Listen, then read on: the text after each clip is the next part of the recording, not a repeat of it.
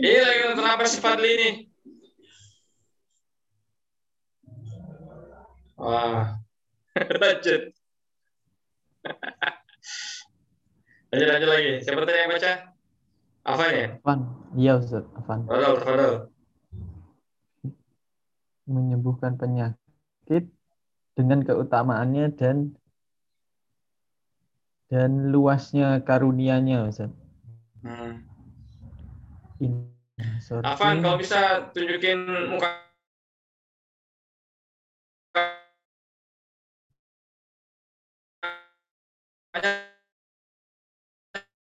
Berarti nggak nggak kuat. Ya udah nggak apa. Hitam Ustaz di situ atau gimana Ustaz? Hitam. Nggak kuat sih. Ya. Ya. Lawas, lawas. Sir, sir.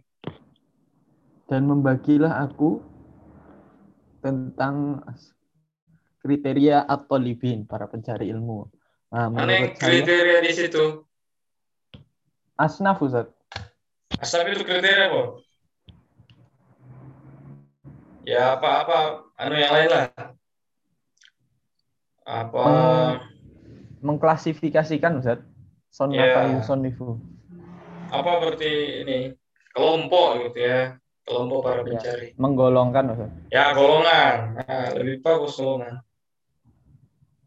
Dan menggolongkanlah aku Mhm. ke atolibin para pencari ilmu. Menurutku ada empat bagian, ada empat kelompok Pencari apa itu? pencari ilmu Ustaz atau libin. Hah? Atau libin. Pencari ilmu. Kan mencari ilmu. Mencari apa nih kira-kira yang lain? Pencari pencari kebenaran Ustaz. Nah, ya, mencari Yakini. kebenaran ya. Ya. Terus Al-Mutakalimun. Yang pertama Al-Mutakalimun ya. dan mereka itu mengakui bahwa sungguhnya mereka ahlur ro'yi wan nadhor, ahli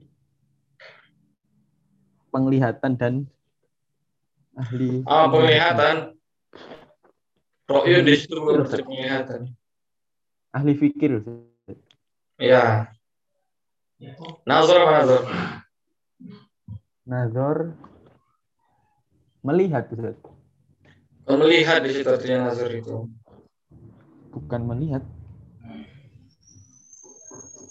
Nazar. Dalam HPT kan ada kata-kata nazar gitu ya. Dan nazar itu wajib kalau kata HPT. menganalisis Ustaz. Ya, gitu. Nazar itu sebenarnya sudah di sudah masuk bahasa Indonesia itu. Jadi apa kira-kira coba?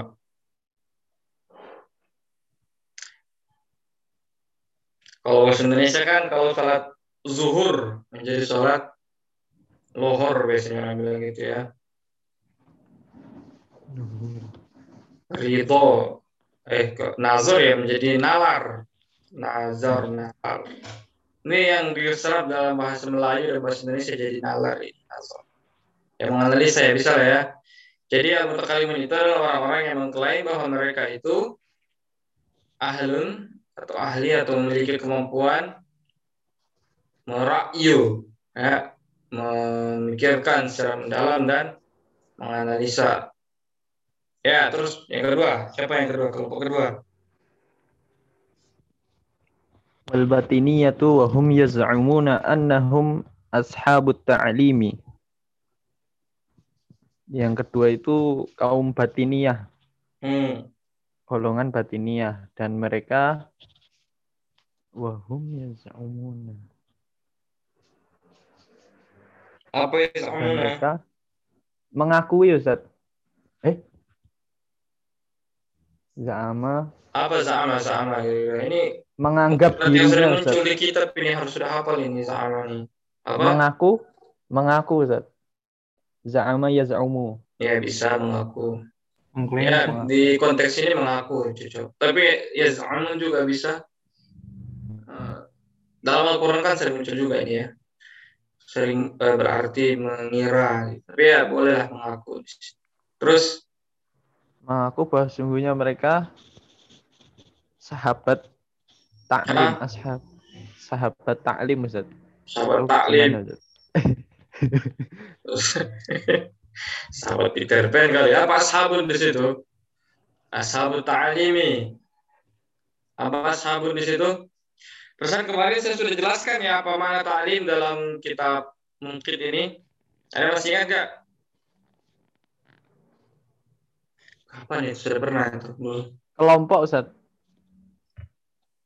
Bukan. Ashabun ini diartikan apa ashabun dulu nih? Ashabun.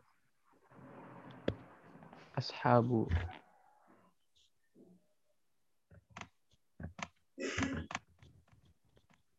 Syiah batiniyah Ustaz. Ya, ini yang dimaksud syahabat ini ya kan.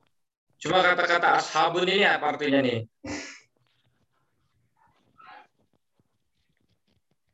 Apa artinya ashabun di situ? Afan? Ustadz Afan? Antum Ustadz ashabun ini. Kalau di rumah kan antum sudah jadi Ustadz. Apa sabun? Yang lain. Masa sabun tidak tahu apa sabun tadi? Kelompok Ustaz. Ya, artinya? Artinya itulah sabun biasanya. Sabun itu di sini sama artinya dengan ahlun ya. Misalnya Sohibul Pemilik. Bait gitu ya. Sohibul Bait itu kan zamannya Sabul Bait. Para pemilik Ustaz. Ah iya. Apa itu berarti kalau sabul talim berarti? Ashabul di situ sama maknanya dengan ahlun ya. Apa? pemilik pembelajaran. Hmm, pembelajaran yang di mana yang maksud sini kan talimnya ini ya, ya meskipun dia jadi ma'rifah karena uh, idofah juga, tapi dia juga uh, ma'rifah karena sudah dijelaskan sebelumnya. Tadi sudah disampaikan sama kawan kalian ya. Kalau ini adalah syiah batiniyah. Nah, kenapa syiah batiniyah itu disebut sebagai ashabul ta'lim? Ada yang ingat gak? Memiliki anu Ustaz, Apa? pembelajaran yang sah, ajaran yang sah. Ya, Mungkin Ustaz. kenapa ajarannya disebut sah oleh mereka?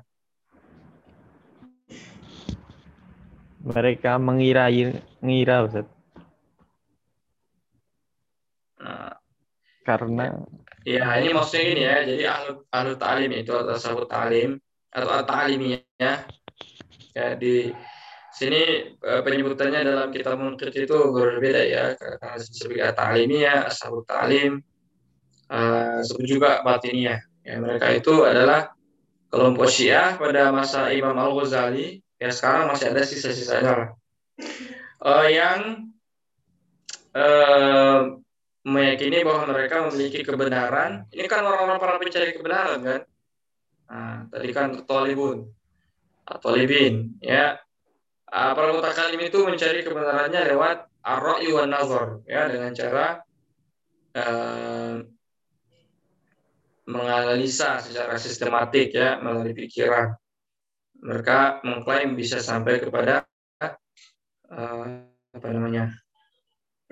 bisa sampai kepada kebenaran gitu ya terus ada ashabul ta'lim nah ashabul ta'lim ini maksudnya mereka mendapatkan kebenaran itu langsung dari ta'lim ta'limul imam ya jadi langsung para imam yang ngajarin mereka nah, meskipun tidak semua diajarin imam jadi imamnya ngajarin siapa gitu terus satu orang itu ngajar uh, uh, uh, yang diajarin sama imam itu ngajar ke orang lain dan itu secara rahasia. Kita baru diajarkan hal-hal itu kalau gabung sama kelompok mereka. Ini kelompok khas, ini ada hubungannya dengan kelompok assassin ini yang di game Assassin's Creed yang satu tuh Assassin's Creed pertama. Ya, jadi ashabut ta'lim ya kenapa disebut ashabut ta'lim seperti itu? Kenapa? Karena mereka itu dia wal maksusuna bil iqtibasi minal imami al maksumi. Jadi mereka itu merasa gitu bahwa mereka secara khusus mendapatkan ilmu dari imam yang maksum. Ya lanjut. Nomor tiga siapa? Nomor tiga.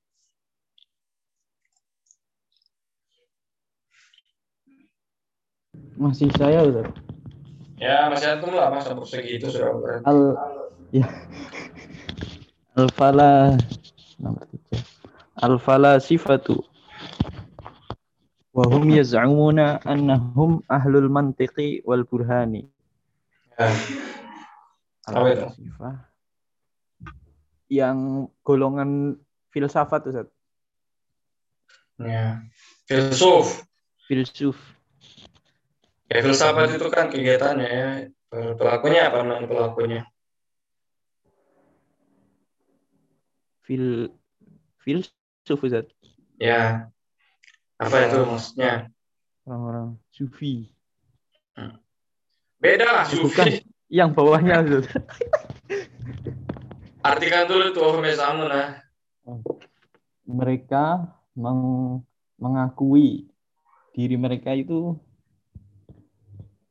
pemilik eh, logika Hmm. Nah, Ya, dan mantik ya logika. Terus burhan sama Ustaz logika ya, ma- ya ini aja dengarkan penjelasannya teman-teman. Jadi eh, istilah mantik ini ya, ya logika gitu ya. Tapi ini secara khusus merujuk kepada eh, logika Aristotelian. gitu ya. Jadi logika yang diajarkan dalam tradisi filsafat Yunani. Bukan berarti bahwa para filsuf itu berpikir logis dalam artian umum, tapi maksudnya berpikir dan mengikuti eh, metode logika Yunani, gitu, logika Aristotelian. Dan burhan itu, burhan itu adalah sebuah petunjuk, eh, sebuah bukti, gitu ya, atau ya bukti. Ah, tapi bukti yang didapatkan dari dua premis yang sering kita yang sering kita jadikan contoh beberapa hari yang itu. Ya, jadi burhan itu adalah sebuah bukti yang diperoleh dari premis-premis logis. Sederhananya, misalnya saya ingin mengajukan eh, argumen apa misalnya semua eh, semua manusia itu pasti mati. Nah, maka itu kan bukan suatu hal yang eh, ini ya eh, atau ini eh, saya saya pengen mengajukan argumen bahwa Afan Al Fikri itu akan mati suatu saat nanti. Itu kan tidak bisa langsung saya katakan seperti itu karena itu hal yang belum terjadi. Jadi di situ saya tidak boleh mengatakan begitu saja tanpa adanya eh, tanpa adanya eh, argumennya apa gitu. Kok kamu bisa mengatakan Afan Al Fikri itu pasti mati? Harus ada argumennya dong karena itu bukan sesuatu yang bisa diamati secara langsung. Buktinya si Afan masih hidup gitu. Jadi itu bukan sesuatu hal yang bisa langsung ditarik kesimpulannya. Pas kita lihat langsung tahu gitu. Misalnya kayak apa? Bola itu bulat, itu kan nggak perlu pakai penelaran itu. Dilihat aja itu sudah ketahuan. Nah, gimana kalau Afan Al Fikri itu pasti mati? Ah, maka untuk sampai kepada itu saya harus membuat burhan. Nah, burhan itu dari premis-premis yang pasti. Maka saya bisa misalnya bisa mengatakan bahwa semua manusia itu pasti mati. Nah, itu kan diambil dari atau semua manusia yang pernah hidup di dunia ini pasti mati. Atau semua manusia yang sudah mati itu dulu pernah hidup. Ya, artinya kan itu hal yang pasti itu. Semua orang yang kita tahu saat ini sudah mati, sebelumnya pernah hidup. Nah, berarti itu adalah suatu hal yang pasti ya, bahwa semua manusia itu pasti mati. Nah, terus Afan al-Fikri manusia. Nah, seperti kan sudah ada dua pre- premis itu ya. Maka kesimpulannya Afan al-Fikri pasti mati. Ya, kayak gitu itu disebut sebagai uh, burhan. Ya, jadi para filsuf itu adalah atau para falasifah ya adalah eh, orang-orang yang mengklaim mahir dalam menggunakan logika seperti itu. Dan itu tadi hanya kan hanya contoh sederhananya ya. Ada bentuknya yang lebih kompleks. Dan karena mereka mengklaim punya burhan itu, ya burhan itu kan diperoleh dari premis-premis yang pasti. Maka hasilnya juga haruslah pasti. ya misalnya um, itu tadi ya. Hafal al-fikri pasti mati itu uh, diperoleh bukan dari kullu nafsin za'iqatul maut tapi dari kesimpulan logis. Nah, bukan dari ayat Al-Qur'an tapi dari kesimpulan logis. Dan dia bersifat pasti. Kenapa bersifat pasti? Karena diambil dari premis-premis yang pasti semua manusia yang pernah hidup itu kan mati itu adalah kepastian hafalan fikri juga itu uh, hafalan fikri adalah manusia itu juga uh, suatu hal yang pasti. Maka kalau saya mengatakan afan itu pasti mati atau afan itu akan mati, nah itu berarti sesuatu hal yang memiliki nilai kepastian. Nah, itu disebut burhan ya. Terus lanjut. Maksudnya apa? Maksudnya nanti-nanti kalau misalnya uh, dalam teks ini disebutkan lagi kata-kata nazar atau kata-kata burhan atau kata-kata ta'lim seperti yang di atas tadi itu, teman-teman jangan memahaminya secara literal lagi. Kayak ta'lim jangan diartikan lagi pengajaran gitu.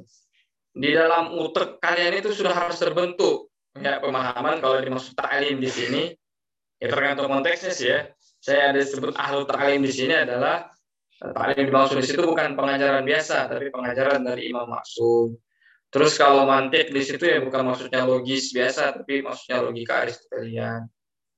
Burhan itu maksudnya bukan logik logis, tapi ya burhan itu ya jenis pembuktian demonstratif, istilahnya jenis pembuktian tertentu yang dipakai oleh para uh, filsuf. Ya, gitu. Sama juga dengan istilah-istilah ro'yu dan nazor itu ya. Nazor itu kan istilah istilah teknis juga dalam ilmu kalam ya. Nazor itu artinya mikirin, berpikir untuk uh, uh, apa namanya merumuskan dalil dalil dalil rasional untuk mendukung klaim-klaim uh, klaim-klaim ketuhanan, eh, klaim-klaim kebenaran dalam Al-Quran. Saya dalam Al-Quran dikatakan Kul huwallahu ahad. Allah itu satu. Nah, apa dalil rasionalnya kalau Allah itu betulan satu? Nah, untuk menemukan dalil rasional itu, itu ada disebut kegiatan azor itu ya. Ya, meskipun ada definisinya tersendiri, tapi yang saya sampaikan ini ya eh, gambar umumnya. Terus berikutnya, yang nomor empat. Nomor empat siapa nomor empat? As-sufiyatu wa hum yad'una annahum khawasu hadratir hadratir rububiyyati wa ahlul musyahadati wal mukasyafat. Ya, betul. Golongan yang keempat. Hmm. Golongan kaum kaum sufi. Ya. Dan mereka mengakui bahwasannya mengakui bahwasannya orang-orang yang menghadrati rububiyah me, men, mendekatkan diri kepada rububiyah. Ya, terus dan mereka ahli musyahadah dan mukasyafah. Ini belum. Apa itu? Apa al musyahadah dan mukasyafah itu?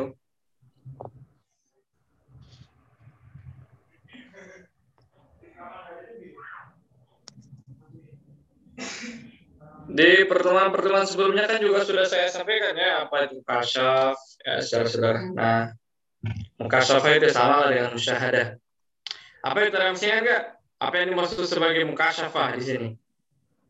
Apa arti literalnya mukasyafah ini? Apa? Di kamusnya apa mukasyafah?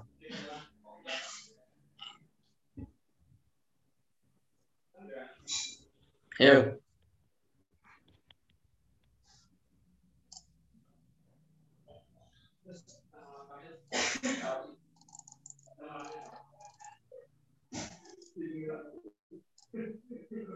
Gimana, Afan? Muka syafa itu apa? Halo? Mana orangnya? Apa? Ya, apa itu? Menghilang, Ustaz. Hah? Orang-orang yang menghilangkan. Menghilangkan? Ya, Ustaz. Kasyafa yak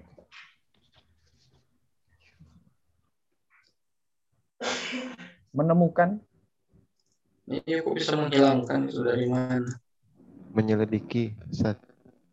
Ya, menyelidiki. Mana yang menyelidiki itu? Musyahada ya, mukasyafa. Mukasyafah, Ustaz. Ya, mukasyafa ya macam-macam lah ya, secara literal. Ya, menyingkap gitu mukasyafa itu. Um, menyelidiki bisa. Tapi apa maksudnya di sini? Apa maksud teknisnya di sini? Ada yang ingat gak?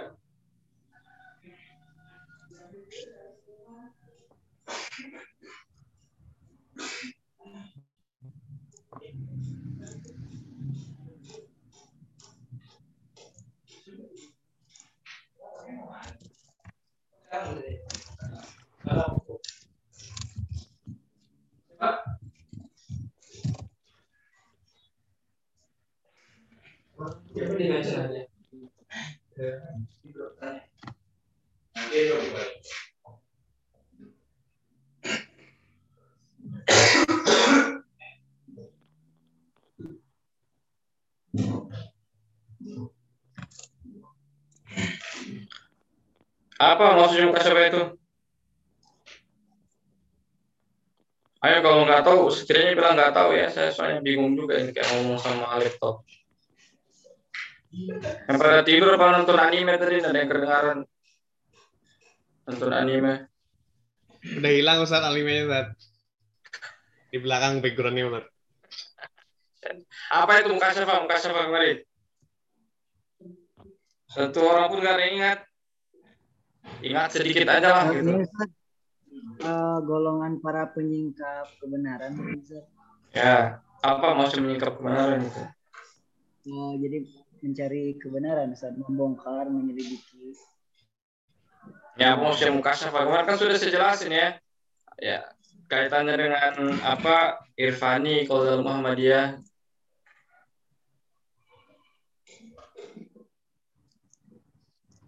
Ini soalnya konsep yang penting juga nih.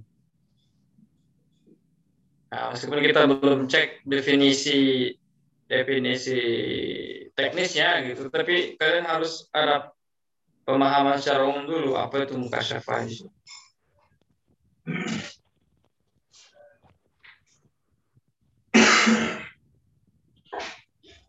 Kasyafa. Kalau Irfani itu penalaran yang intuisi, Ustaz. Ya. Terus Berdasarkan anu sebuah menurut saya, Ustaz. ya udah Menurut dulu. Irfani itu kenapa gimana, Ustaz? Ya udah udah menurut Anda aja dulu. Menurut kamu aja dulu. merupakan sebuah anu apa merupakan sebuah pengetahuan yang didapat melalui de- apa rasionalitas Ustaz. Eh, transportasi eh transport transformasi nakal loh Ustaz. Transportasi mah ini. Transportasi Trans Jogja. Justru kebalikannya, justru Irfan itu bukan melalui rasionalitas itu aslinya. Rasionalitas mah ini burhani. Ya, justru Irfan itu di atas rasionalitas. Kamu tadi kan sudah bilang intuisi. Intuitif itu berarti di atas rasionalitas itu. Rasionalitas itu tadi ahlul kalam, ahlul kalam, falasifah ya.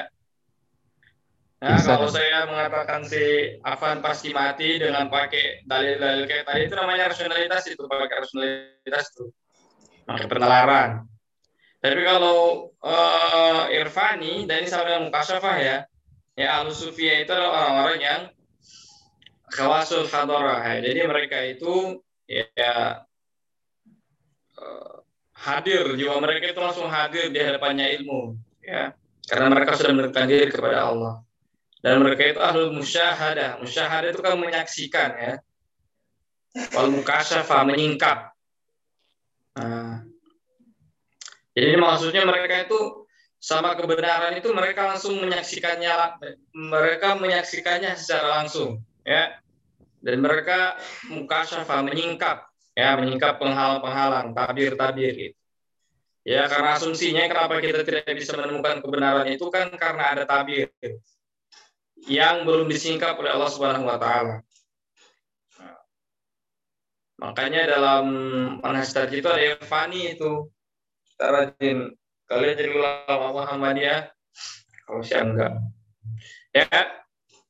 Itu harus mendekatkan diri kepada Allah supaya apa? Supaya Allah Subhanahu wa taala itu ngasih ilmu, ngasih ilham secara langsung dalam hatinya, tidak pakai perantara. Dan membimbing dia untuk mencari uh, menentukan keputusan yang paling benar. Ya. Ini sebenarnya mirip-mirip dengan meskipun levelnya beda ya. Misalnya kalian bingung menentukan harus menerima lamaran cewek yang mana gitu. Maka kalian pun sholat istikharah. Ya, karena benar-benar secara rasional itu sama-sama cantik, sama-sama kaya, sama-sama keturunan uh, orang baik-baik.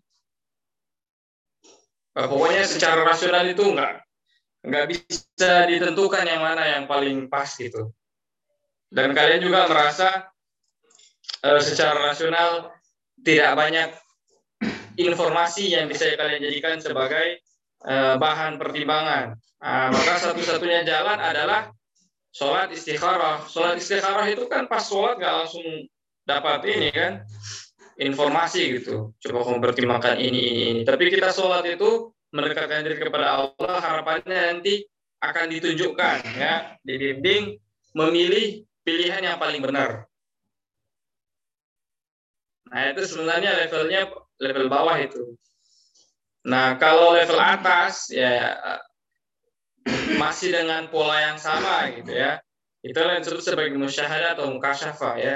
Di mana seseorang, para sufi itu mengklaim mereka langsung melihat ya tanda kutip gitu, benar-benar melihat lah gitu, menyaksikan kebenaran itu. Ya. Kenapa? Karena mereka e, menyiapkan diri mereka gitu ya. Kalian ingat kemarin konsep ilmu sebagai cahaya gitu.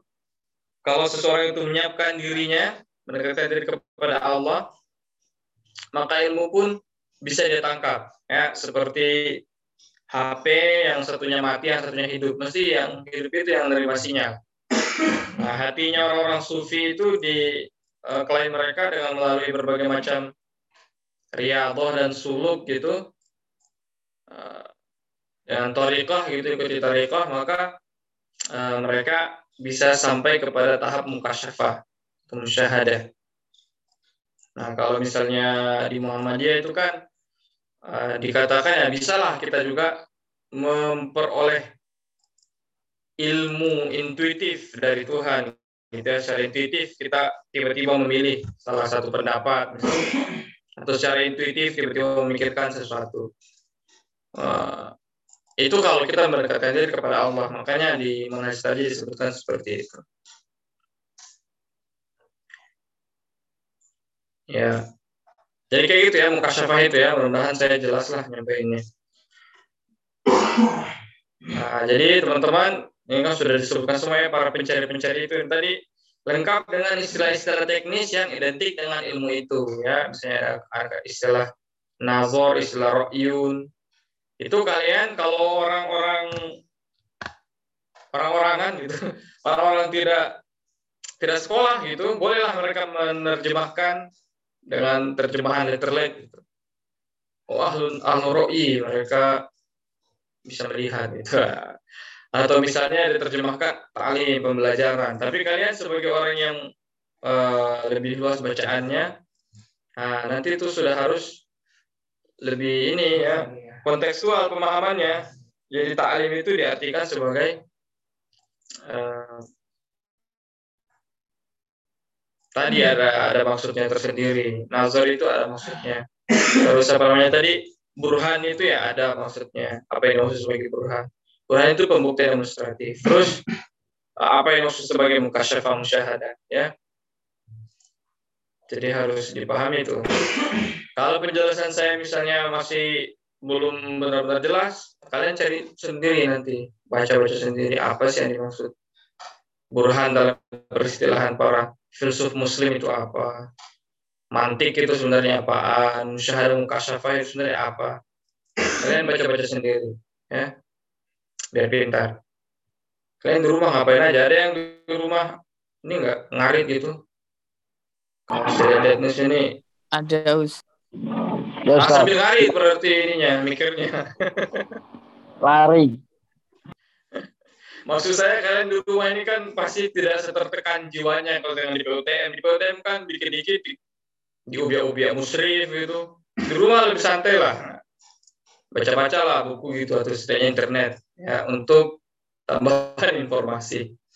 Ya lanjut yang lain yang lain. Tadi sudah lumayan lah dibaca sama si Afa. Ya, lanjut saya Ustaz. Ya silahkan.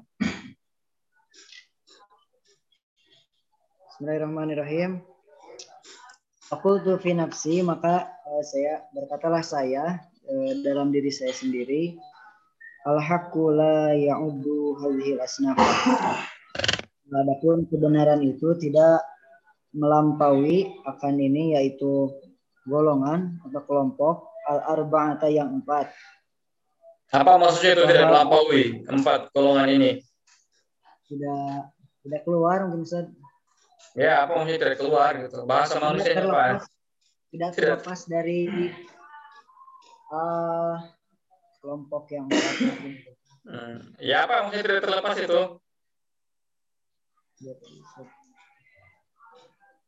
Eh, ya? Saya jelasin lagi. Kamu kan sudah paham ya, tinggal dijelasin aja. Apa maksudnya tidak terlepas dari tiga, empat ya empat golongan? Kebenaran itu tidak akan lepas dari empat golongan ini. Nah, apa maksudnya itu? Ya empat golongan yang barusan Ustaz yang al mutakalimun, al dan eh, apa? falas falasifah dan asufiyah. Jadi kebenaran Hmm. itu eh, selalu berhubungan dengan eh, dengan kebenaran-kebenaran yang ada dalam empat kelompok ini, Ustaz. Ah, sudah ngawur. Gak apa-apa. Jadi maksudnya ini Imam Ghazali berkata pada dirinya ya. Ya, Ya, Ustaz. gak apa-apa lah tadi di- diterjemahkan ya. Fakultu fi nafsi maka berkatalah aku ke dalam diriku. Ya itu masih bahasa PUTM itu. Bahasa manusianya begini, maka aku berkata kepada diriku. Ada gak apa-apa lah. Nah, al-haqqu la hadhil asnaf al-arba'ah itu maksudnya eh, ini maksudnya bukan terjemahan. Terjemahan tadi sudah benar terjemahan itu. Tapi maksudnya adalah kalau kebenaran itu ada, mesti kelompok empat kelompok inilah yang akan menemukannya, gitu ya. Jadi eh, empat kelompok inilah yang punya kans, ya punya apa ya, punya peluang besar untuk menemukan kebenaran itu. Ya, saya tidak usah ngecek kelompok-kelompok lain. Cukuplah empat kelompok ini karena pasti kebenaran itu tidak akan eh, eh, lepas atau tidak akan eh, ditemukan di luar empat jalur ini. Ya, maksudnya kalau pengen betul-betul mencari kebenaran, empat jalur inilah alternatifnya. Nah, cuman kan yang mana jalur yang paling benar itu masih akan beliau telusuri. Tapi dia sudah menentukan gitu, mesti lewat sini.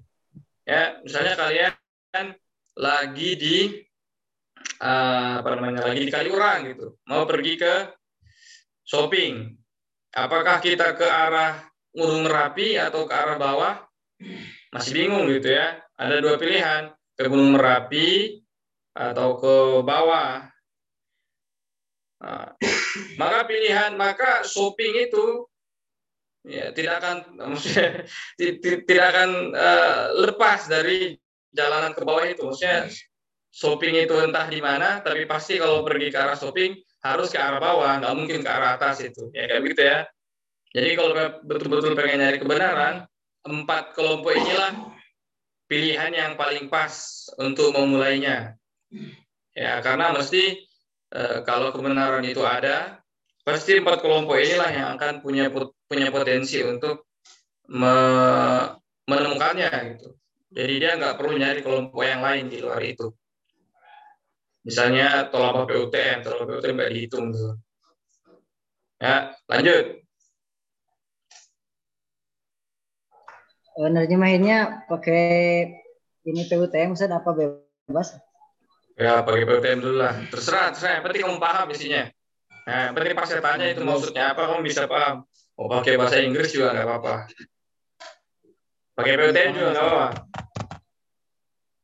Jadi yang penting paham ya. Kalau sudah paham kan mau dijadikan bahasa yang enak juga nanti bisa. Ya, monggo, monggo. Langsung, lanjut.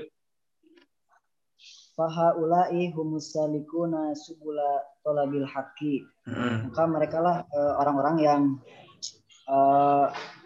menca- menempuh jalan dalam menca- penca- eh, apa, mencari kebenaran. Ya. Fa'in eh, fa'in syadza al-haqqu anhum dan jika kebenaran itu menyimpang dari mereka dari kelompok yang empat ini kalau ya beko darkil haqqi matma'un maka tidak tersisalah maka tidak tersisalah eh, apa dalam mencapai kebenaran itu harapan atau hasrat harapan. Izlamat ma'a ruju'i ila taqlidi ba'da mufaraqatihi. Eh, sebab tidak ada hasrat atau tidak harapan lagi untuk kembali kepada taklid setelah eh, berpisah dengan dengan eh, setelah berpisah dengannya izmin syaratil muqallid karena dari eh, di antara syarat untuk menjadi muqallid ala ya'lam ala ya'lama annahu muqallidun. Dia itu tidak mengetahui bahwasannya dia itu adalah muqallid. Fa idza alima dzalika dan jika dia itu mengetahui akan hal tersebut atau dia itu adalah muqallid in kasarot zujajatu taqlidihi maka eh, pecahlah eh, apa kaca ketaklidannya itu. Wa huwa syu'bun la yu'rabu. Eh, dan itu adalah pecahan yang tidak bisa disatukan kembali. Wa syu'bun la yulammu bitalfiqi dan eh, apa eh, pecahan yang tidak bisa dikumpulkan kembali. Wa ta'lifi dan eh, tidak bisa disusun. Illa an yuzaba binari kecuali dengan dilelehkan dengan api. Wa yusta'na falahu son'atan ukhra mustajiddatan uh, setelah dilelehkan kemudian uh, apa dibuat lagi dengan bentuk lain yang dengan bentuk yang terbarukan dengan bentuk yang baru Ya, bagus. Apa maksudnya seperti itu? Bagus cara bacanya. uh, maksudnya gimana ya? Secara umum. Uh, kelompok yang empat ini mereka adalah para pencari orang-orang yang berjalan dalam mencari kebenaran. Dan jika kebenaran dan jika kebenaran itu menyimpang dari mereka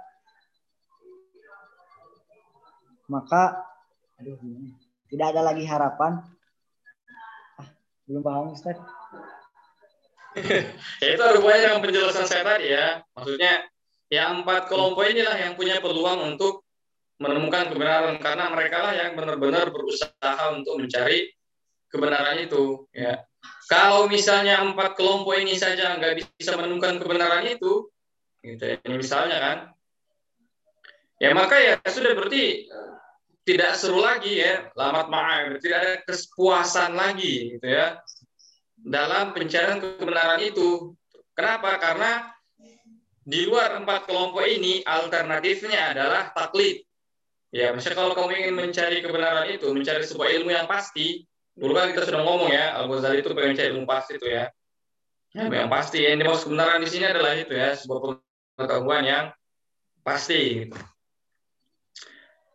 Uh, kita bisa mencarinya lewat metode nazarnya kalimun, bisa mencarinya lewat metode apa tadi di atas. Lewat metode uh, mantik dan burhan bisa kita bisa mencarinya lewat metode taklim kita bisa mencarinya dalam metode musyahadah dan mukasyafah ya itulah ya alternatif-alternatif uh, uh, untuk memperoleh pengetahuan yang pasti ya seperti yang dijelaskan sebelumnya ya Uh, itu nanti soal uas itu ya jelaskanlah pengetahuan yang pasti menurut Imam Al Ghazali tak bocorin dari sekarang. Nanti kalau soalnya bukan itu protes saja. Dulu Ustaz sudah bilang begini kok ganti. Ya. Uh, nah kalau kalau misalnya bukan itu, ya bukan kelompok empat ini yang bisa mengantarkan kita kepada pengetahuan yang pasti, uh, maka alternatif satu-satunya yang tersisa adalah taklid. Nah, padahal kata Imam Al Ghazali uh, tidak ada lagi kenikmatan untuk kembali kepada taklid karena dia sudah meninggalkan taklid itu ya. Ya disebutkan di situ ya. Ini sudah saya katakan sebelumnya kepada kawan-kawan kan bahwa bahasanya Imam Al Ghazali itu sangat imajinatif. Nah, dia beliau menggunakan retorika-retorika puitik gitu ya pakai imajinasi salah satunya kelihatan di sini nih jadi taklid itu syarat mukallid, maksudnya seorang mukallid itu hanya bisa menikmati taklid kalau dia tidak tahu kalau dia sebenarnya sedang taklid.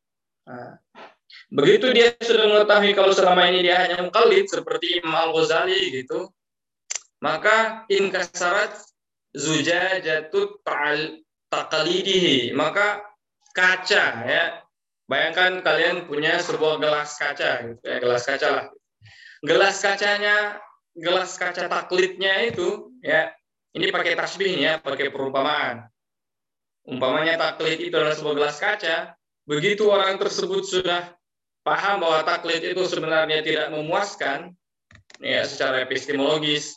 Maksudnya tidak ya seperti yang Al-Ghazali lah ya tidak puas dengan ilmu-ilmu yang taklidi ya. Maka kaca itu sudah pecah bagi dia. Nah, dan itu sudah nggak bisa diperbaiki lagi.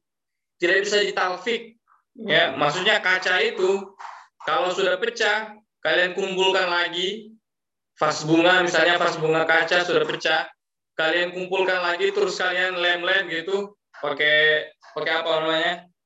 Apa sih istilahnya itu yang apa ya?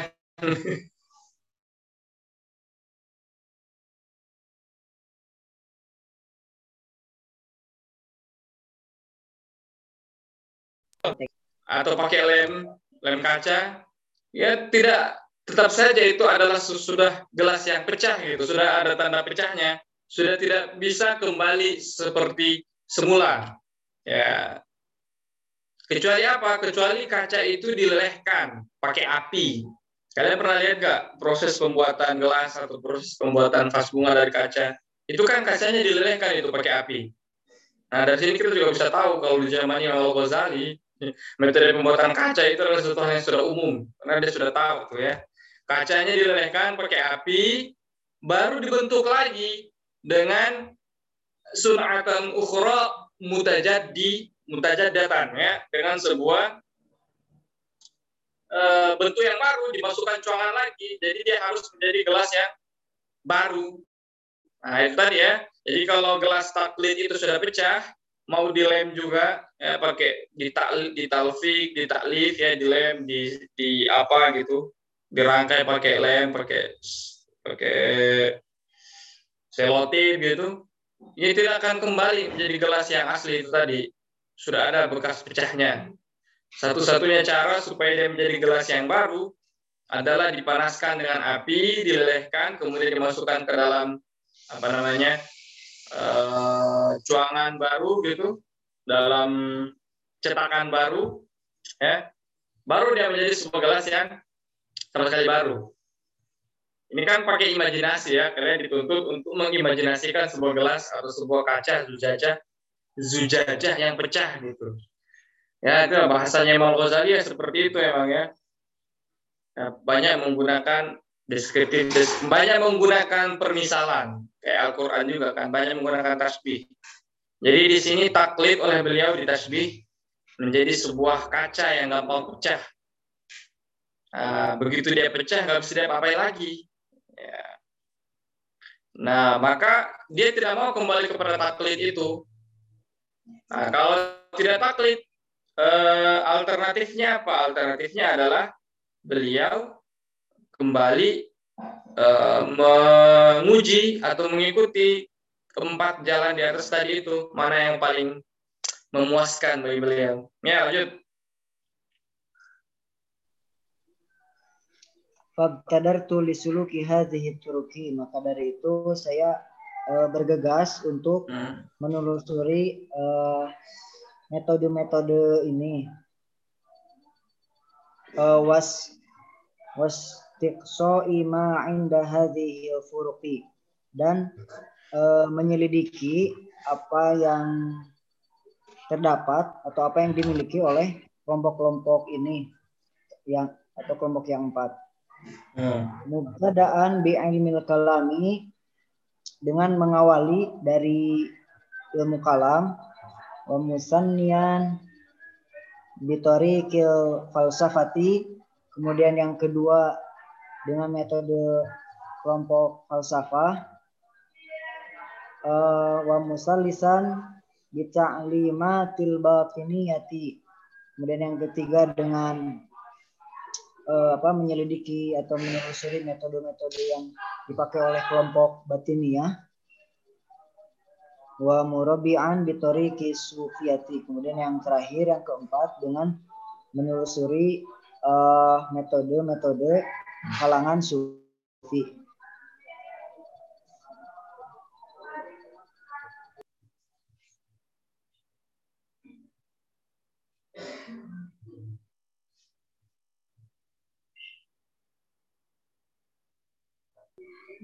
Nah terus ya itu nggak usah jelasin ya ini jelas ya itu terus Eh, untuk selanjutnya diteruskan oleh Ustadz Rausan Bismillahirrahmanirrahim.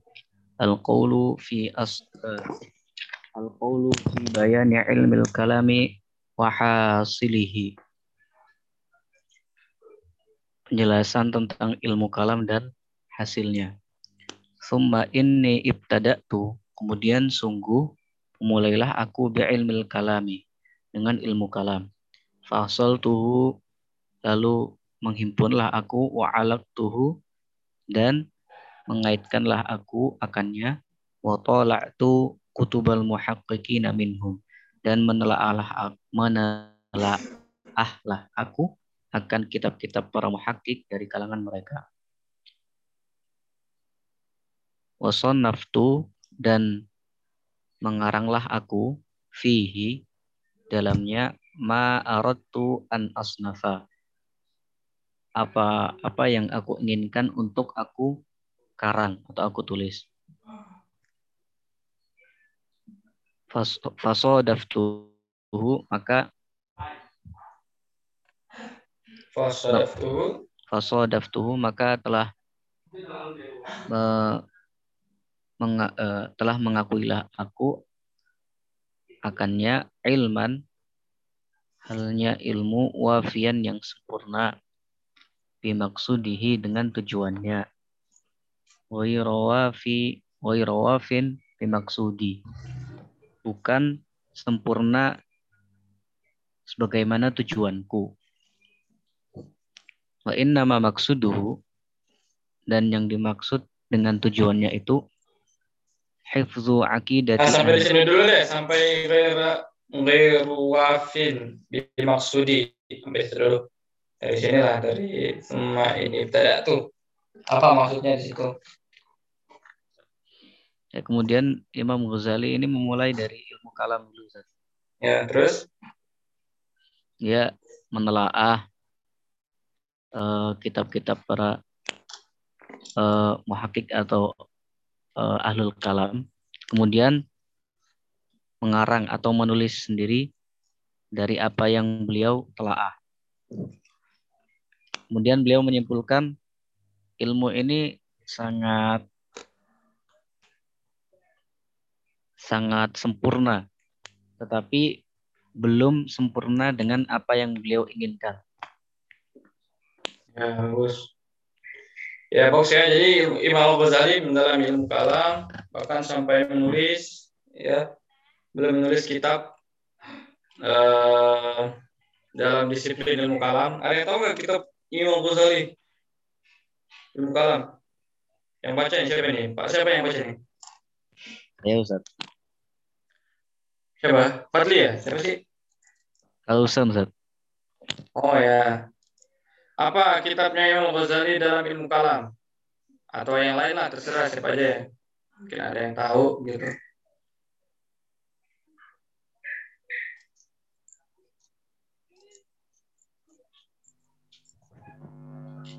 Kitab ini Sat. Faisalut Tafrikoh. Ya itu bisa.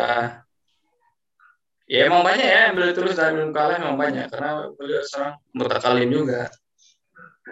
Uh, tapi ya salah satu yang paling yaitu Tasliqa juga itu masuk. Banyak ya emang.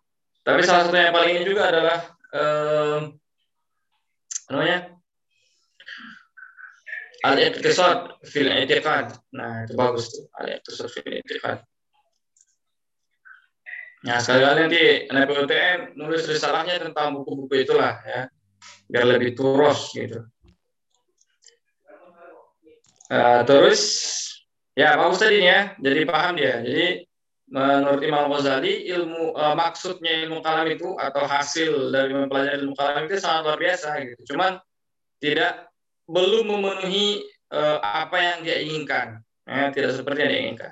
Terus lanjut, Mas dari Inama berarti. Wa inna ma maksuduhu dan yang dimaksud yang diinginkan oleh uh, uh, Imam Ghazali ini salah. Oh, Imam Ghazali. Oh, yang dimaksud eh, tujuan, tujuan ya yang- sini ya. Maksud tujuan. ini artinya tujuan. tujuan dari ilmu kalam ini Ustaz. Ya, betul. hifdzu aqidati ahli sunnati ala ahli sunnati yaitu menjaga akidah ahli sunnah eh, terhadap ahli sunnah Terus ya terus terus selanjutnya. wahirasatuha an tashwisi ahli bid'ati dan menjaganya pula dari eh, gangguan ahlul bid'ah. Hmm. Kemudian faqad alqallahu subhanahu wa ta'ala.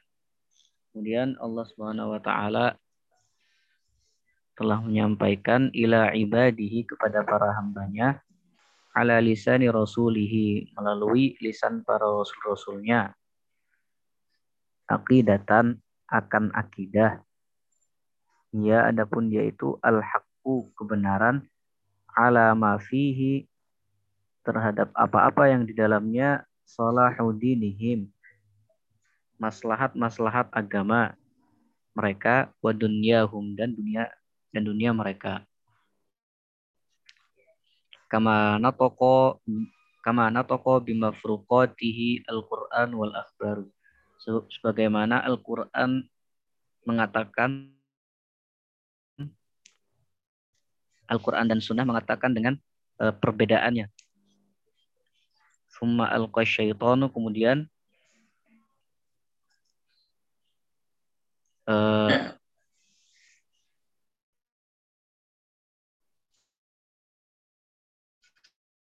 saya mubtada'ati pada gangguan-gangguan bid'ah umuran akan perkara-perkara mukhalifatan yang berselisih atau yang berbeda disunnati dengan sunnah.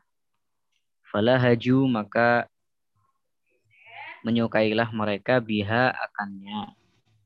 Wakadu dan hampir-hampir mereka wisyawishuna aqidatal haqqi ala ahliha. Mengganggulah mereka akan akidah yang benar terhadap penganutnya. Hmm.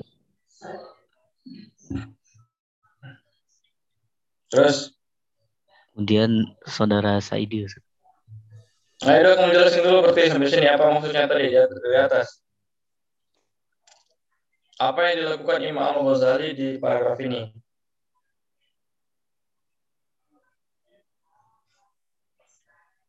Eh,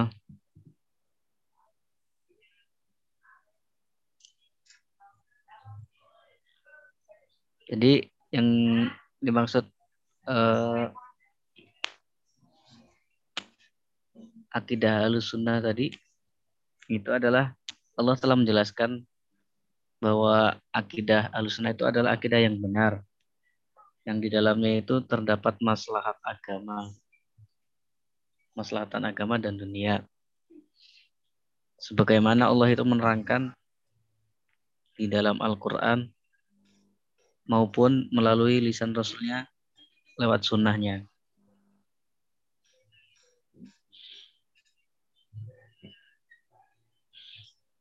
Kemudian yang setelahnya kurang paham saya. Hah? Masuk subal kasyayatin fi wasawisil mubtadi'ati umuran apa itu? Saya nggak paham itu. Ya, Eh, nah, karena waktunya juga semakin ini ya, jadi ya eh, alul bid'ah ini Ustaz, apa namanya? eh, mengganggu ya Orang-orang kemudian ini, yang ini kan ini jadi kalau pertanyaannya apa yang dilakukan Imam Ghazali di paragraf ini kan maksudnya Imam Ghazali sedang menjelaskan tentang ilmu kalam ya ilmu kalam itu kok bisa ada gitu ya. Eh, kayak tadi kan beliau sedang menjelaskan tentang apa tujuan ilmu kalam itu mulia gitu. Cuman eh, itu tidak sesuai dengan apa yang dituju sama Imam Al Ghazali gitu ya. Ya, jadi Imam Ghazali mengatakan bahwa ilmu kalam itu tidak cukup bagi beliau ya untuk menemukan kebenaran untuk sampai kepada ilmu yang pasti tadi ya, ilmu yakini. Jadi Imam Ghazali tidak bisa menemukan ilmu yakini melalui metode ilmu kalam. Ya, meskipun begitu kata Imam Ghazali, ilmu kalam ini tidak berguna dan punya tujuan yang sangat mulia. Apa tujuan ilmu kalam ya? Tadi yang, yang antum baca itu. Jadi gunanya apa ilmu kalam? Kan ini di sini jelasin ya. Gunanya ilmu kalam adalah ini hibzu aqidat ahli sunnah wa khurasati ha wa hirasatiha an taswisi ahli bid'ah yaitu tujuan ilmu kalam itu ya menjaga akidah ahli sunnah atau ala ahli sunnah jadi menjaga akidah menurut uh, ahli sunnah ya atau menjaga akidah supaya tetap sesuai dengan sunnah Nabi dan men- menjaga eh, melindunginya dari serangan ahlul bid'ah. Nah, baru di sini beliau menjelaskan lebih lanjut bahwa Allah Subhanahu wa taala itu sudah menurunkan risalah gitu ya dalam dan di dalamnya termasuk akidah-akidah kepada Nabi Muhammad.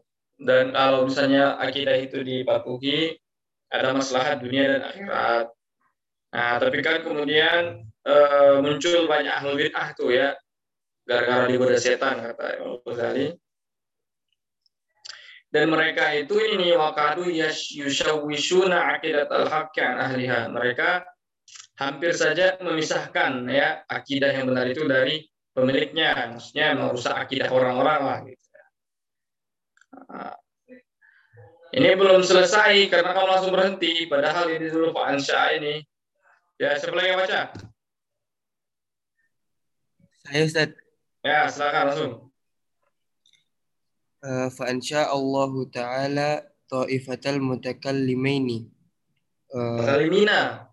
mutakallimina.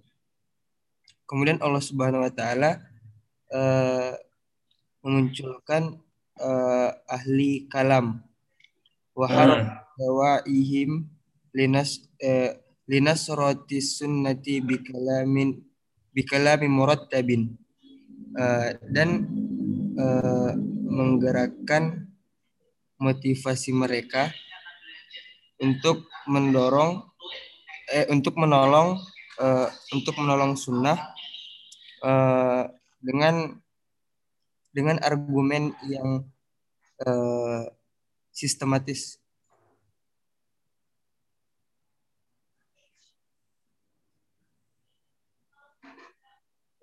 Yakshifu an talbisati ahli bid'i eh, al-muhaddatsati ala khilafi sunnati al Apa? Kenapa ini? Ininya ya. Ahmad Saidi. Ya Ustaz, Apa ini internetmu yang jelek apa internetku ya? Kok putus-putus tadi? Ulangi, ulangi. Wa haraka dawa'ihim li, linasrati sunnati bi kalami murattabin dan menggerakkan motivasi mereka untuk eh, menolong menolong sunnah dengan eh, dengan argumen yang sistematis.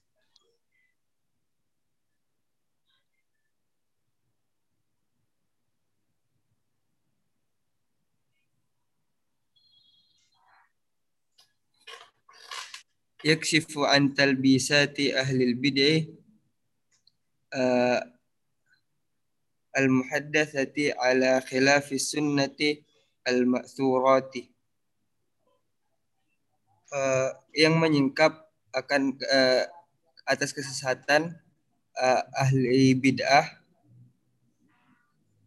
uh, yang dibuat-buat yang uh, untuk bertentangan dengan eh, sunnah yang dicontohkan oleh Nabi. Hmm.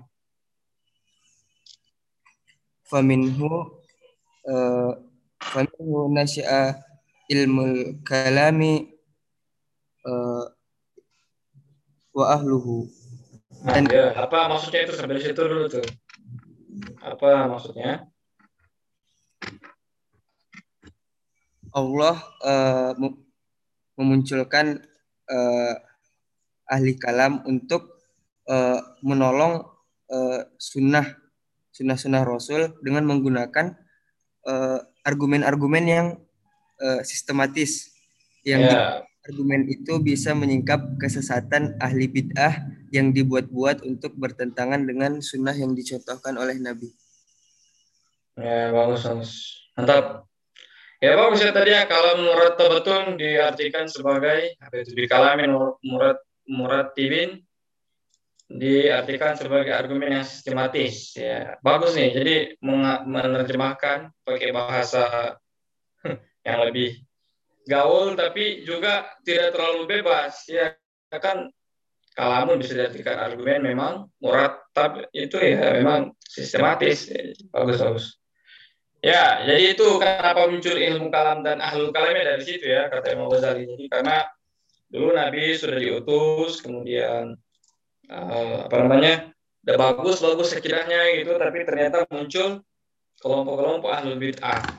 Istilah bid'ah di sini adalah bid'ah akidah ya. Jadi kalian jangan bayangin kayak misalnya apa ya? Apa baca kunut gitu.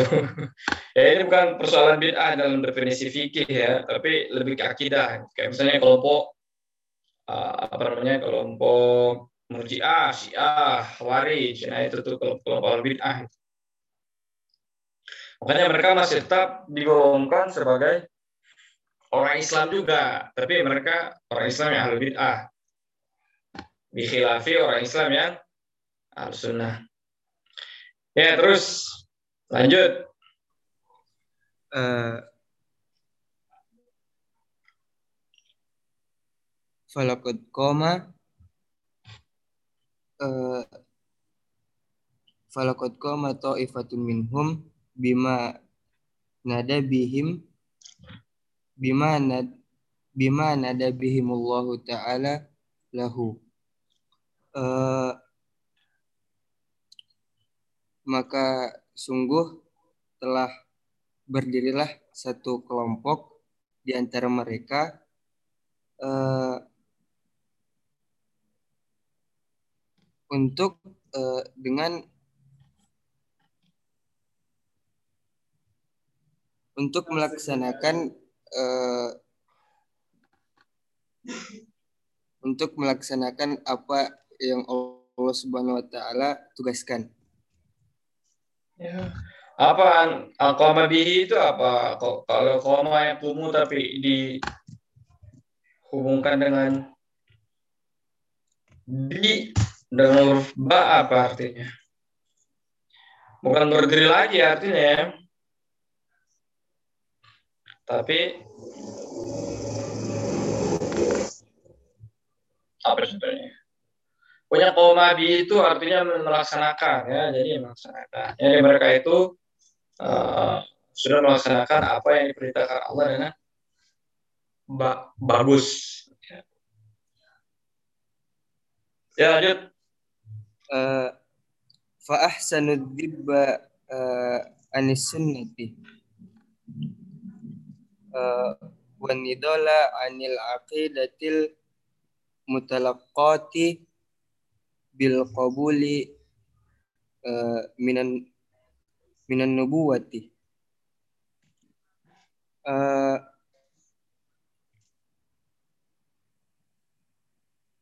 maka eh, mereka membenarkan eh, pembelaan eh, terhadap sunnah dan eh, berjuang eh, atas akidah al-mutalaqat yang didapat eh, bil qabuli dengan eh, penerimaan minan nubuwati dari para nabi. Ya, jadi mereka itu sudah dengan sangat baik mempertahankan itu akidah yang di yang diwarisi dari Nabi. Terus wattaghabira fi wajhi ma ahdatha minal bid'ati. Eh, dan dan menangkal uh, terhadap uh, sisi eh, betul. bid'ah yang dibuat Ya, bagus. Jadi sebenarnya maksudnya itu ya. Garis besarnya ilmu kalam dan ahlul kalam itu muncul untuk mempertahankan akidah, gitu ya.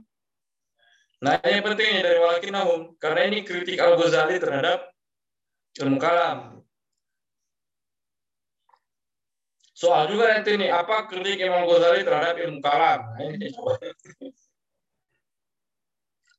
Dari walakinahum, coba baca. Masih antum atau lain? masih ana Ustaz Ya, walakinnahum i'tamadu fi dzalika ala muqaddimat eh, muqaddimatin eh, yusallimunaha min khusumihim Eh, akan tetapi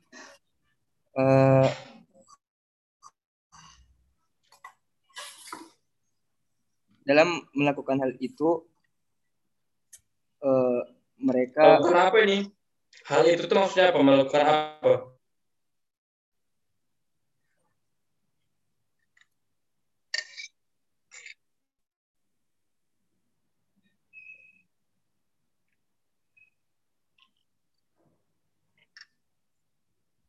Ayo melakukan apa? Apa pekerjaan yang kalam tadi? Eh, ini Apa? pembelaan Pak. terhadap sunnah, berjuang Ayo, ayo, ayo. sorry, sorry. Apa, apa?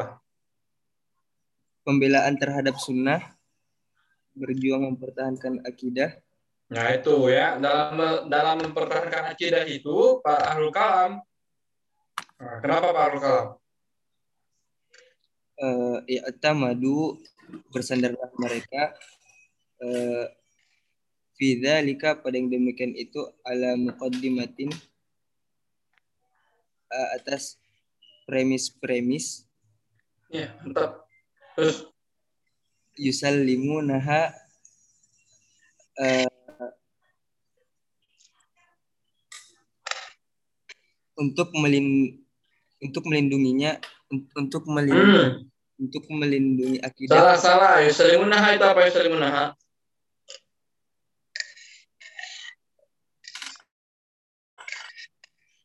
Apa itu?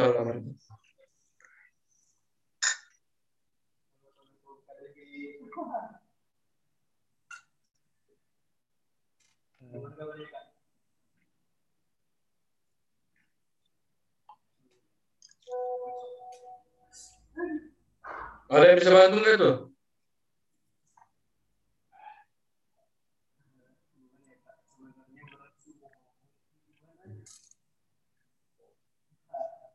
Muhammad Faiz, apa itu maksudnya?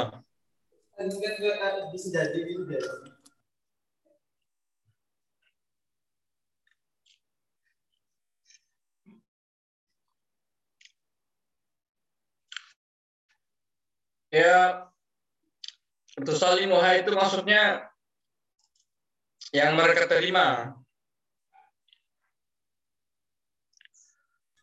Terus yang mereka terima. Hmm, min khusumihim eh, dari musuh-musuh mereka.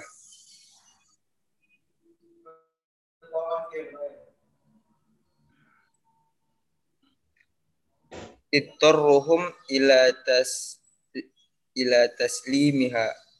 Yang memaksa mereka untuk eh, untuk menerima.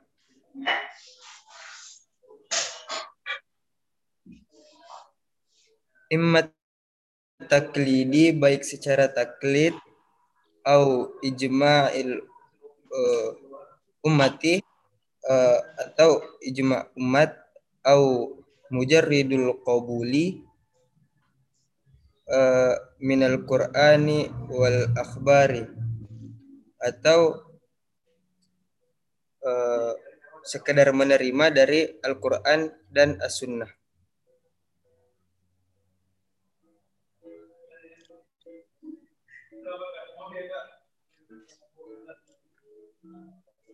ya maksudnya nih.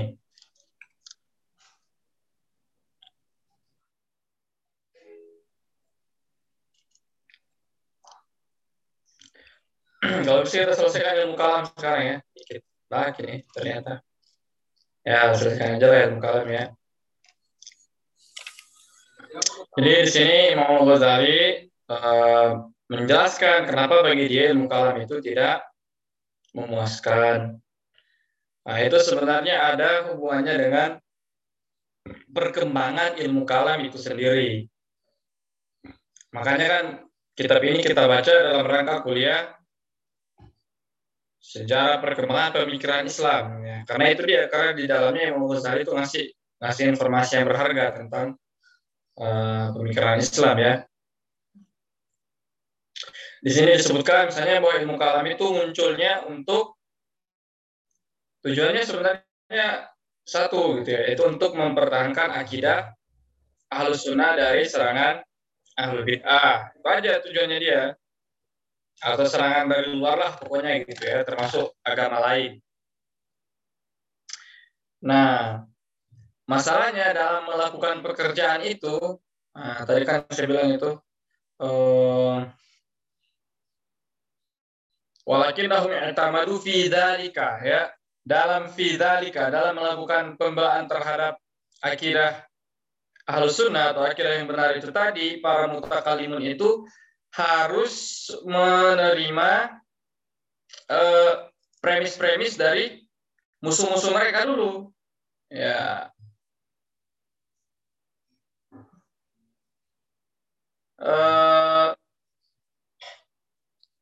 kenapa? Ya karena kalau mau berdebat dengan orang lain memang harus seperti itu ya. Kalau kita ingin berdebat dengan seseorang dan itu yang dilakukan oleh para ahlul kalam, kita harus berasal dari kita harus berangkat dari premis yang sama-sama disepakati. Gitu ya. Eh, tidak bisa itu kita berdebat tapi dari awal premisnya sudah berbeda. Eh, misalnya kayak begini. Ya, misalnya eh, apalah misalnya. eh, yang sederhana aja lah misalnya. Eh, kalian orang Muhammadiyah gitu, terus berdebat sama bukan orang Muhammadiyah. Dia bilang, oh kunut itu bid'ah gitu. Kalian mengatakan misalnya gitu, kunut itu bid'ah. Terus si dia bilang enggak, kunut itu bukan bid'ah gitu. Nah, maka sebelum perdebatan itu berlangsung lebih jauh, kalau memang pengen debat beneran ya, bukan debat kusir, maka pasti harus dimulai terlebih dahulu. Oh ya sudah, apa yang Anda maksud dengan bid'ah? Baru itu ya. Jadi harus sama dulu premisnya. Oh baru dia bilang, oh yang saya maksud bid'ah adalah uh, segala sesuatu yang tidak dicontohkan oleh Rasulullah dan seterusnya dan seterusnya. Barulah habis itu, nah, makanya di dalam bahasa perdebatan ulama itu kalau kalian baca kitab-kitabnya, selalu ada kata-kata uh, apa gitu. Walau salimna, kalau kami menerima itu, nah, misalnya ini, oh iya, saya sepakat. Nah, bid'ah itu bla bla bla. Baru dari situ kalian buktikan pendapat kalian. Misalnya inilah ya yang lebih relevan dengan ilmu kalam. Misalnya ada mengatakan uh, misalnya sama orang yang mengakui bahwa ada nabi gitu. Mereka mengakui bahwa Nabi Isa, Nabi Musa, dan Nabi Ibrahim itu betulan nabi. Tapi mereka tidak mau mengakui kenabian Nabi Muhammad. Maka untuk membuktikan kenabian Nabi Muhammad, kalian bisa mengambil premis-premis mereka. Makanya, nah, kenapa Anda bisa menerima bahwa Nabi Musa itu adalah seorang nabi, misalnya? Uh, oh, pertama, karena dia punya mujizat. Terus kedua, karena dia punya nubuat. Nubuat itu maksudnya memperkirakan hal yang akan datang. Uh, Ketiga, karena dia punya pengikut dan seterusnya. Baru, oh ya, saya menerima premis-premis Anda. Sekarang giliran saya membuktikan. Oh, Nabi Muhammad juga punya mujizat dan seterusnya. Atau misalnya ada yang keberatan. Misalnya ada orang, uh, anggaplah yang bukan muslim situ. Tapi dia me mengimani uh, kitab perjanjian lama. Saya bilang, ah Nabi Muhammad itu, Nabi kok uh, istrinya banyak gitu. Nah, terus Anda pengen berdebat dengan dia, maka Anda harus berasal dari mukadimat yang sama. Maka Anda harus mengatakan misalnya, oh ya sudah, apakah Anda menerima kebenaran perjanjian lama? Iya, menerima. Oh ya sudah, kalau begitu kita sama-sama menerima kebenaran perjanjian lama. Nah, di dalam perjanjian lama ada beberapa nabi yang istrinya banyak, tapi mereka tetap bisa disebut sebagai nabi dan itu tidak menjadi cacat moral bagi dia. Maka Nabi Muhammad juga kenapa tidak boleh punya istri banyak gitu. Nah itu kan contoh-contoh perdebatan kalam seperti itu ya, meskipun sederhana banget. Tapi dari situ kalian sudah bisa dapat gambaran bahwa dalam perdebatan ilmu kalam itu kita harus menerima mukadimat, ya kita harus menerima premis-premis dari lawan debat kita terlebih dahulu. Kalau tidak terima ya nggak bisa debat jadinya nanti. Ya, misalnya mau memperdebatkan sesuatu kriterianya aja beda misalnya. Mau memperdebatkan bid'ah, definisi tentang bid'ah beda misalnya. Itu kan nggak bisa debat kusir. Nah, padahal pada zaman klasik itu, pada zaman Islam zaman dulu, ya, orang-orang itu kalau berdebat ada aturannya. Dan di sini semua orang, itu termasuk orang mus, orang Nasrani, ke orang Mutazila, orang kafir dan orang Islam lah intinya ya. Mereka kalau berdebat itu ada aturannya tidak asal-asalan. Ah itu ya. Jadi para ahlul kalam itu harus menerima mukadimat dari lawan-lawannya. Nah, menerima begitu saja gitu. Di sisi lain lawan-lawannya juga itu harus menerima premis-premis mereka. Nah, maka kata Imam Al Ghazali bagi saya nggak berguna yang begini-begini ini. Kenapa? Karena Imam Al-Ghazali itu semua hal dia skeptik gitu, semua hal dia pertanyakan. Nah, kalian sudah bisa lihat nggak di situ ininya ya? Sudah bisa lihat nggak di situ? Karena Imam Ghazali nggak masuk lagi gitu ilmu kalam gitu. Karena ilmu kalam untuk membentuk eh, apa namanya sebuah argumen harus menerima premis-premis tertentu ya. Padahal kan Imam Ghazali itu ya nggak mau gitu menerima begitu saja. Ya tidak ada kata-kata walau salinda dalam kamus Imam Ghazali. Tidak ada istilah menerima premis lawan untuk bisa berdebat karena beliau justru mempertanyakan seluruh premis-premis yang ada gitu sudah kita bahas di uh, pertemuan-pertemuan berikutnya sebelumnya gitu dan sebenarnya teman-teman semua ini juga lah yang memunculkan uh, ahlul kalam ahlul kalam yang sesat gitu ya yang bid'ah gitu. misalnya para orang mutazila orang mutazila itu kan uh, para mutakalimin awal gitu jadi orang mutazila dulu itu kerjanya adalah berdebat dengan orang-orang yang mencela agama Islam. Ya, jadi seluruh tokoh-tokoh Mutazila itu adalah ahlu debat ulung dan mereka suka berdebat sama orang Kristen, orang Majusi, orang segala macam agama yang ada di Baghdad ketika itu berdebat sama orang Mutazila. Nah, tapi gara-gara terlalu banyak berdebat sama orang lain dan terlalu banyak menerima premis-premis gitu tadi kan, menerima premis-premis dari berbagai macam aliran, akhirnya mereka terjebak sendiri gitu dalam premis-premis itu. Ya, misalnya soal apa? Soal sifat, asma sifat gitu. Para orang Mu'tazilah kan menafikan sifat. Matilah mereka itu. Kenapa? Karena eh, nanti kalau ada sifat nanti tauhidnya tidak murni lagi. Nah, itu kan mungkin mungkin saja lah ya. Karena mereka sering berdebat sama orang Kristen. Nah, orang Kristen itu kan kenapa salah satu menjadi poin per diskusi di antara mereka sendiri adalah statusnya Yesus gitu ya. Yesus itu adalah logos. Yesus itu adalah kata kalam Tuhan ya, bukan kalam, logos gitu ya, kalimat Tuhan gitu. Tapi dia juga bukan Tuhan itu sendiri ya, poin beda lah gitu ya, rumit lah. Orang Kristen yang paham, saya nggak paham.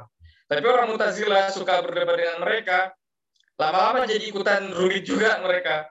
Sehingga ketika dikatakan Al-Quran itu Al-Quran itu kalamullah mereka nggak terima gitu. Masa kalamullah nanti semua kayak Yesus dong. Makhluk be, uh, punya punya punya unsur ketuhanan gitu apa bedanya kita dengan orang Nasrani kalau kayak begitu orang Nasrani kalamullahnya berwujud manusia kita kalamullahnya berwujud Al-Quran wah sama dong nah, itu karena terlalu sering debat sama orang Kristen tuh ya jadi kalian yang suka debat ini hati-hati lah saya nggak terus debat saya Ya, jadi itu kritik Imam Al-Ghazali. Ya. Terus uh, kritik berikutnya saya baca aja lah ya sebelum kita akhiri. Kritik berikutnya Imam Al-Ghazali adalah ini. Uh, dari sini ya.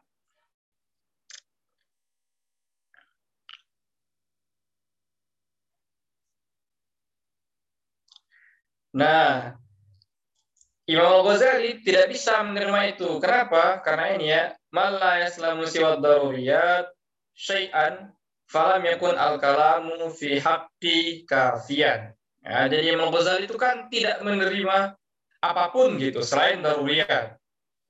Padahal ilmu kalam itu salah satu requirementnya, salah satu persyaratannya untuk bisa sampai kepada argumentasi ilmu kalam adalah kita menerima sesuatu gitu ya kita menerima mukadimat-mukadimat itu tadi.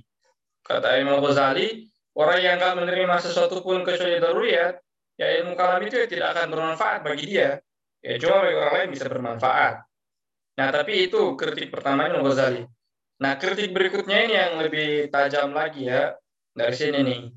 Lama nasyat sin'atul uh, kalam wa kasura al-khawdu fihi wa talat al-maddah al-maddatu ya ketika ilmu kalam itu sudah uh, tumbuh ya sebagai sebuah disiplin ilmu ya wakasurat wakasuro dan banyak orang al khawdu fihi orang dan banyak itu orang yang mendalaminya watalat uh, apa yang ini ya dan lewat masa yang panjang ngatasawaka al mutakallimuna ila muhawalati dibbi anis sunnati wal bahthi an haqaiqil umuri. Nah, orang Mu'tazilah itu eh. Orang mutakalimun itu kata Imam Ghazali mulai eh, mengalami disorientasi. Disorientasi itu berubah arahnya gitu ya. Tadinya tujuan mereka adalah untuk membela sunnah. Sekarang mereka tujuannya bukan lagi membela sunnah ya. Dia muhawalah Adi sunnah. Mereka sudah merubah membela pembelaan terhadap sunnah. Artinya mereka sudah meninggalkan itu. Itu jadi bukan tujuan utama mereka sendiri. Tujuan utama mereka sendiri sekarang apa?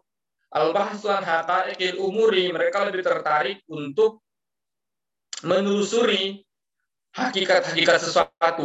Jadi mereka malah sibuk meneliti berbagai macam hal dan tidak lagi eh, apa namanya tidak lagi fokus membela akidah al sunnah ya wa khadu fil bahthi anil jawahir wal arad wa ahkamiha. Mereka sibuk membahas tentang jawahir atom wal arad aksiden. Ini istilah-istilah kalam ya.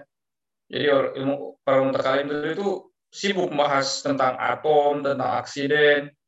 Walakin lama lam yakun dalika maksudu ilmihim ya yang seperti itu bukan tujuan ilmu mereka. Ya.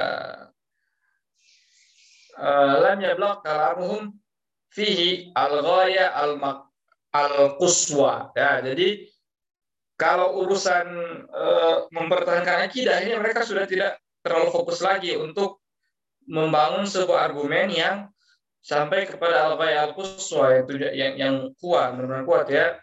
Uh,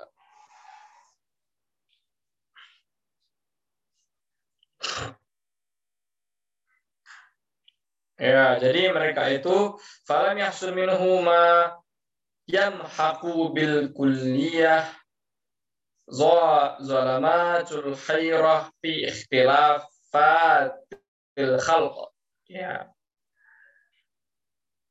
Sehingga apa? Sehingga kalau uh, seseorang yang ingin mencari cahaya kita mencari kebenaran di tengah di tengah-tengah kebingungan yang muncul karena pendap, perbedaan pendapat berbagai macam kelompok ya kita sudah bahas dulu ya tentang ikhtilaf hal berbeda macam pandangan orang itu ya tidak akan dapat manfaat dari ilmu kalam kata Al Ghazali kenapa karena para mutakalimun sendiri sibuk dengan diri mereka sendiri mikirin hal-hal yang uh, abstrak abstrak gitu seperti atom aksiden dan seterusnya uh,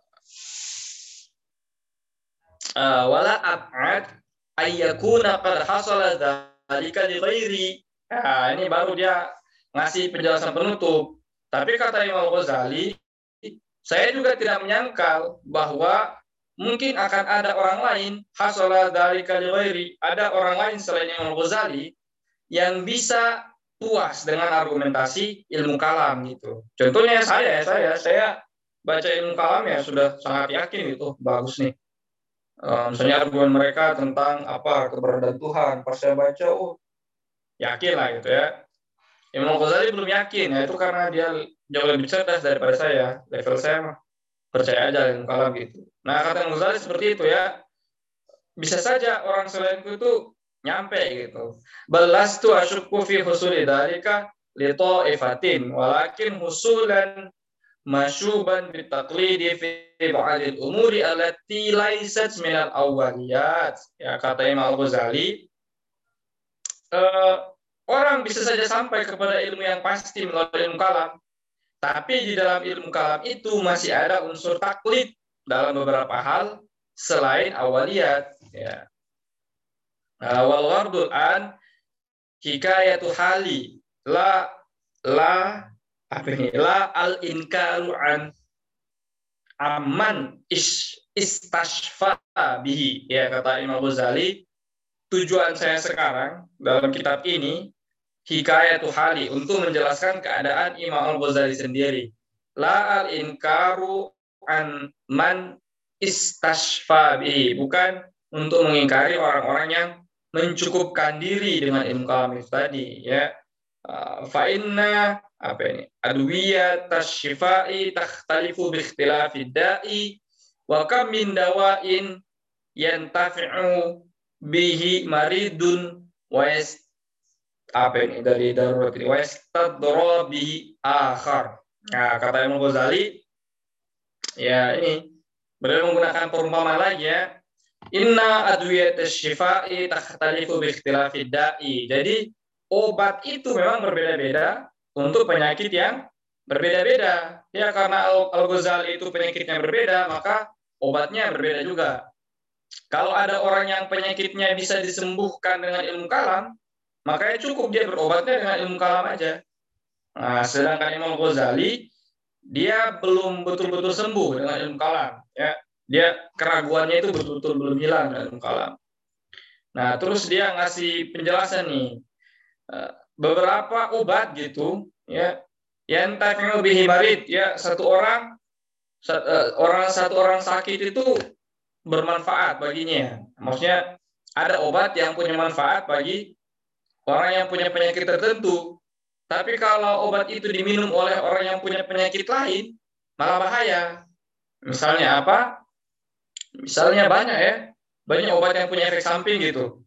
Misalnya kalau kamu punya penyakit A, kamu tidak boleh minum penyakit eh, kamu tidak boleh minum obat tertentu karena kalau kamu minum obat itu bukannya sembuh, kamu malah mati gitu karena eh, apa namanya efek samping obat itu. Nah, kata Imam Al Ghazali seperti itu ya. Jadi ilmu kalam itu bukannya tidak berguna ya dan bukannya tidak bisa mengantarkan kepada pengetahuan yang pasti. Cuma kata Imam Al Ghazali ya dia tidak puas dengan hasil ilmu kalam. Penyakitnya dia tidak terobati dengan ilmu kalam. Meskipun mungkin beberapa orang bisa terobati penyakitnya dengan ilmu kalam. Banyak sekarang orang yang mengadopsi argumen ilmu kalam. Bahkan orang Kristen sekalipun, ya ada pendeta Kristen di Barat itu sangat terkenal kalau kalian orang Kristen, atau kalau kalian suka lihat debat gitu ya, debat antara orang uh, beragama versus ateis misalnya namanya William Lane Craig kalau tidak salah dia itu pakai argumen kalam kalam namanya kalam cosmological argument. Jadi dia pakai argumen ilmu kalam untuk apa? Untuk berdebat dengan orang-orang ateis. Ateis kelas dunia ini bukan ateis ateis uh, yang suka posting tidak jelas di internet tapi benar-benar ateis kelas dunia kayak siapa? Kayak Christopher Hitchens dan seterusnya. Ya dia berdebatnya pakai ilmu kalam itu. Ya, jadi bagi dia ilmu kalam cukup gitu. Tapi kata Ghazali, penyakit saya itu beda, beda dengan penyakit saya bukan sekedar tidak percaya adanya Tuhan, Ustaz. Itu kan bisa disembuhkan dengan kalam kalau kayak begitu. Tapi penyakit Imam Ghazali itu lebih dalam dari itu. Maka butuh obat juga yang lebih sesuai. Nah, berikutnya kita akan lihat bagaimana Imam Ghazali mengevaluasi uh, falsafah gitu ya atau falasifah. Baiklah, di tempat saya juga sudah mau masuk asar. Uh, tadi mohon maaf saya baca aja ya sendiri biar kita pertemuan berikutnya kita baca falsafah. Nah kalau bisa untuk pertemuan berikutnya lebih ini ya lebih bagus persiapan murojaahnya. Nah, biasanya kan kalau murojaahnya bagus itu kita juga dapat banyak. Siapa tahu bisa tamat falsafah juga minggu depan. Meskipun falsafahnya agak panjang ya. Karena ada ada ada pembagiannya lagi. Ya baiklah sampai di sini. Kalau saya ada pertanyaan lewat WhatsApp saja. Uh, untuk minggu depan kita akan mulai dengan pertanyaan dulu ya. Silakan bertanya. Uh, cari pertanyaan kalau nggak nemu. Ya.